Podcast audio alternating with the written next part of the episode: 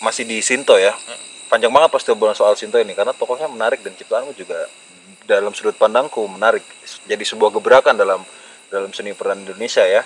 Karena ke- biasanya kan ketika ada satu tokoh yang jarak usianya jauh akan dipilih manusia yang berbeda untuk memerankannya gitu. Aku bisa bilang bahwa bahkan mungkin sejauh yang aku tahu baru Sinto saja yang dilakukan oleh satu orang dalam rentang waktu yang cukup panjang. Nah, pertanyaanku adalah bagaimana caramu membuat ciptaan Sinto ketika muda dan ketika tua tetap relevan? ya kan bedanya usianya aja Hmm. ketika tua itu kan usia dia yang tua karakternya kan selayaknya kita Mhm. kalau dia sebegi kalau dia secengeng ini mudanya juga dia pasti akan cengeng kok. Hmm. ya se- kayak seperti kita Eh, mu- meskipun dia mengalami perkembangan pengalaman kemudian mematangkan dia tetapi kan nilai dasar dia itu yang seperti apa kan masih kelihatan. Hmm. Apalagi bentuk fisik ya. Oke. kalau dari cara berjalan eh, tidak semata-mata dia oh dulu saya gemuk saya kurus itu kan bukan bukan persoalan itu. Tetapi ya kita masih tetap melihat orang yang sama kan sebenarnya. Kalau kita melihat oh ini muda ini tua oh bedanya dia kurus sama lebih cantik saat muda tuanya keriput dan gemuk misalnya seperti itu kan. Tetapi kan sama pergerakan tubuh dia itu sama. Hmm. pola pikir saja kan yang kemudian berbeda dari tubuh manusia itu kan maksudnya. Se- selain bentuk fisik yang gemuk kurus tadi itu ya. Tetapi kan pola pikir mungkin dia mengalami kematangan eh, berdasarkan pengalaman dia sehingga lebih bijak sekarang kalau dulu pemarah ya kan? Tetapi dirinya itu kan menurut aku sama aja Ah, ibuku muda sama ibuku tua itu sama nenekku muda sama nenekku tua itu sama cuman lebih wise aja lebih bijak aja tapi cara dia bicara cara dia ngomong sih sama cuman karena tua aja Itu kan soal esensi ya? Iya. Soal esensi tokoh. Bagaimana dengan perubahan fisiologis? Bagaimana cara membuat itu tetap relevan? Di luar soal eh, iya termasuk suara dan bentuk tubuh. Karena kalau bisa bicara soal esensi mungkin iya bahwa Iya. dalam beberapa puluh tahun manusia mungkin tetap ada di esensi yang sama. Sama. Dia dia mudanya bagaimana, tuanya bagaimana, Bagaimana. cuman persoalan usia saja Usia. yang berubah. Tapi fisiologis kan tidak bisa dibohongin. Iya. Nah, gimana cara bisa membuat itu tetap relevan? misalnya begini ketika kita tua eh atau ketika kita mudanya mas bisa nggak misalnya aku mudanya begini nih cara bicara aku begini misalnya maka tua aku kan bicara bicaranya seperti apa? Misalnya seperti itu. Cuma beda lebih tua saja.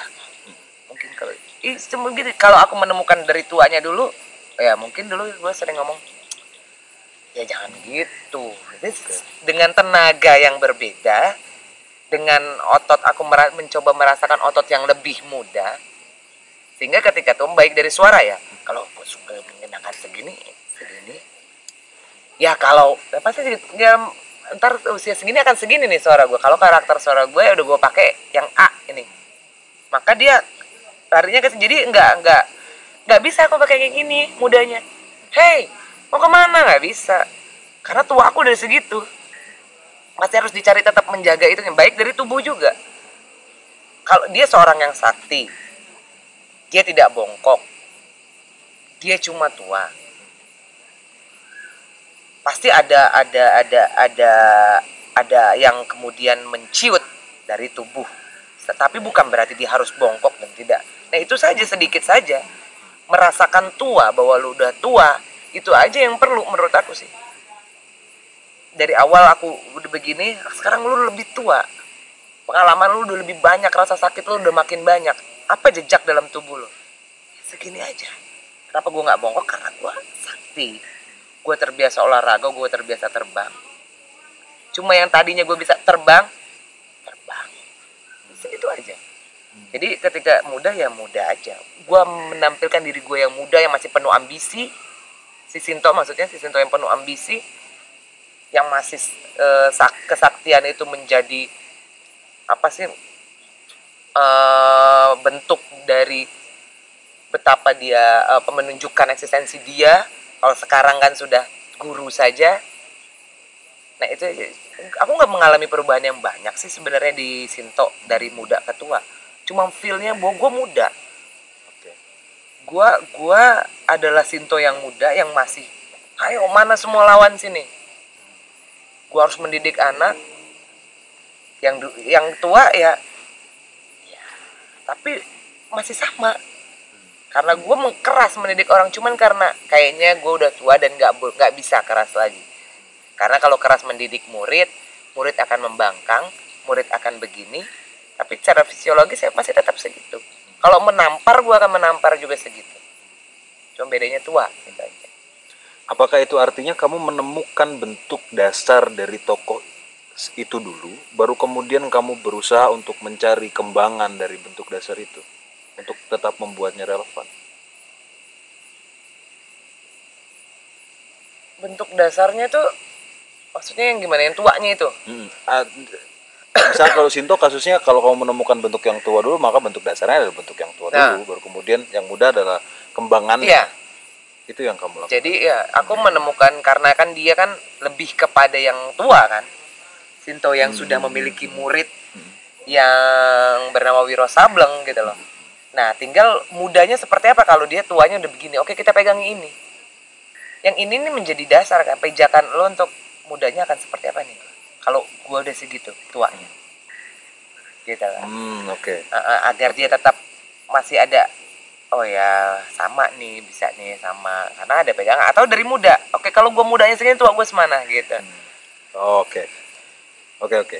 Nah, eh, itu soal Sinto. Kita eh, ngobrol panjang banget nih. Mungkin udah hampir sejam kita ngobrolin soal soal satu tokoh ini gitu ya, dengan proses pencarianmu yang menurutku juga menarik gitu.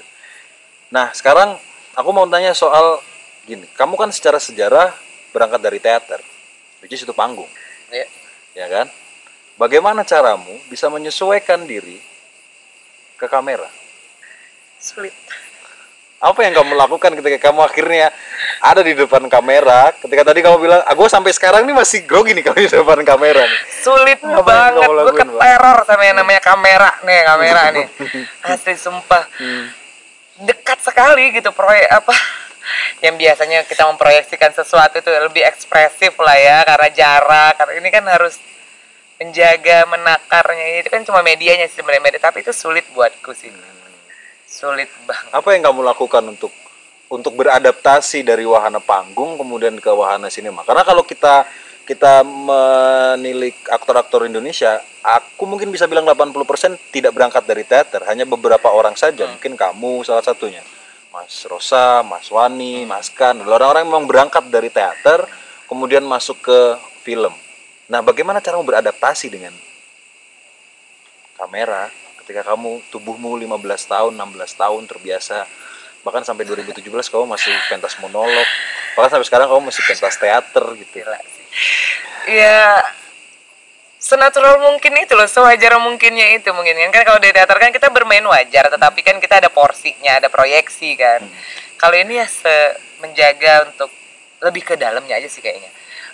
Karena karena dia menangkap seluruh ekspresi kita ya kalau kita sedikit saja. Berarti eh, kalau duluan kita hari ini aku lebih rasanya aja lebih tepat dia akan menangkap kok kamera itu. Jadi aku lebih nah itu sih aku masih proses belajarnya itu lumayan. Sampai sekarang aku masih terus belajar untuk tetap berada pada porsinya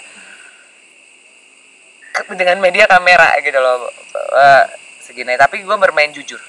Dalam proses syuting Biro Sableng pernah nggak ada momen Mak? ya terlalu besar Rut? Kecilin dikit dong proyeksinya kamera Ya, nih kamera yang nih. ada gue kalau pas Wiro itu gue nggak bisa gerak. Iya. Ketika dikelilingin kamera. Dan gue harus ngomongin sama kamera gue gue nggak gerak. Action gue nggak bergerak.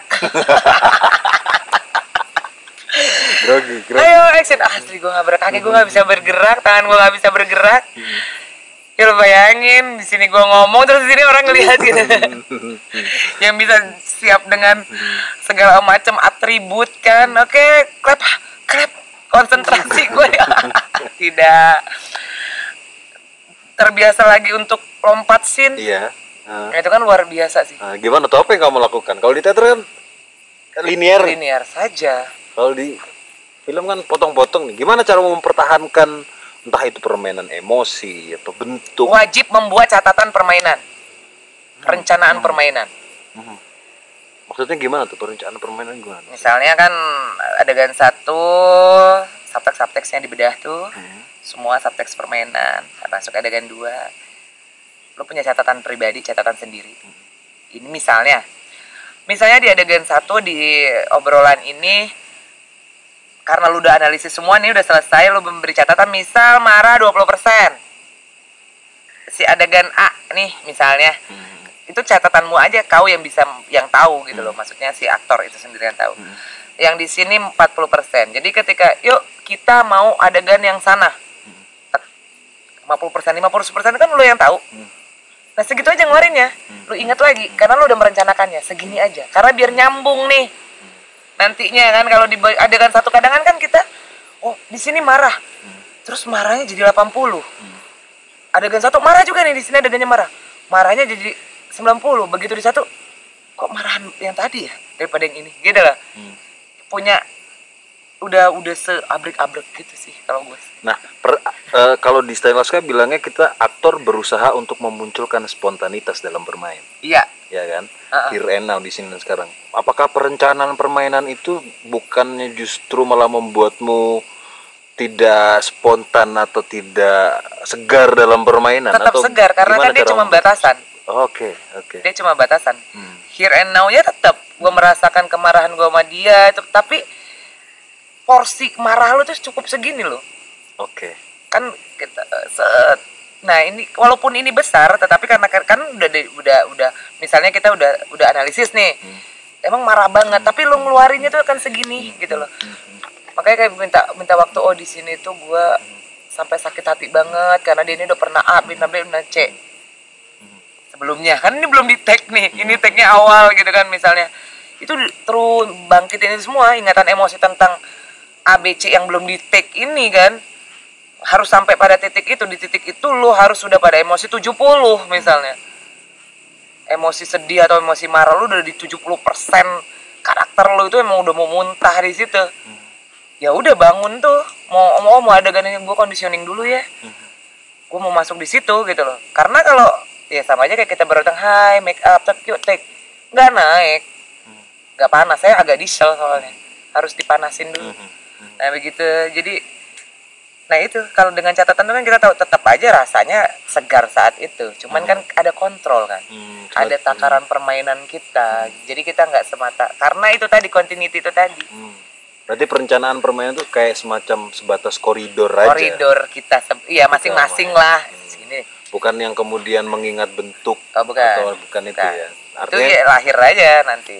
tetap mempertahankan spontanitas dan kesegaran tapi tidak eh, melebihi porsi yang Iya. dibutuhkan atau takaran dibutuhkan. karena takutnya kan begitu yang ini ternyata emosi yang diperlukan yang di ending itu harus segini. Ini susah naiknya nih. Nanti nggak match karakter lo jadi patah gitu loh. Oh, ini heboh banget tadi kehilangan sendal sepatu. Karena emosi nih ke bawah nih kan karena nggak ada kontrol nggak ada perencanaan permainan. Pokoknya sendal gua mana? Udah marah ma- banget. Pas di terakhir kehilangan pacar juga pacar gua mana kok sama ya? Kok jadi sama ya nih ya? Dia marah kehilangan sendal sama kehilangan pacar atau dia sedih kehilangan sendal sedih kehilangan orang tua kok hampir mirip nih. Karena nggak terkontrol gitu loh. Hmm. kan apa saja bisa terjadi kan saat bermain kan gitu loh. Mood itu mempengaruhi atau malah keluhan. Nggak naik nih. Karena nggak itu kan misalnya moodnya berubah tadi habis marah berantem di depan sama parkir begini begini masuk. Karena nggak ada perencanaan permainan kan nggak ada pegangan gitu loh perencanaan permainan kan bisa dibuka tak oh, oke gua itu membimbing kita masuk lagi ta. Ta. karena membaca naskah lagi di lokasi dari awal sampai akhir kan nggak mungkin. Ya kan? Tinggal partnya karena ini udah selesai di proses reading proses-prosesmu sebelumnya. Kalau di lokasi udah tinggal bagian yang akan di ini. Nah itu kan kita harus punya pegangan. Oh ini bagian yang itu. Hmm, gua harus masuk pada sampai pada taraf itu baru kita mulai nah begitu Oke. Ya obrolan yang menarik sekali di part yang ketiga ini tidak terasa baterainya sudah habis tapi tenang masih ada satu baterai lagi karena materi yang diobrolkan masih banyak. Sampai jumpa di part berikutnya teman-teman. banyak banget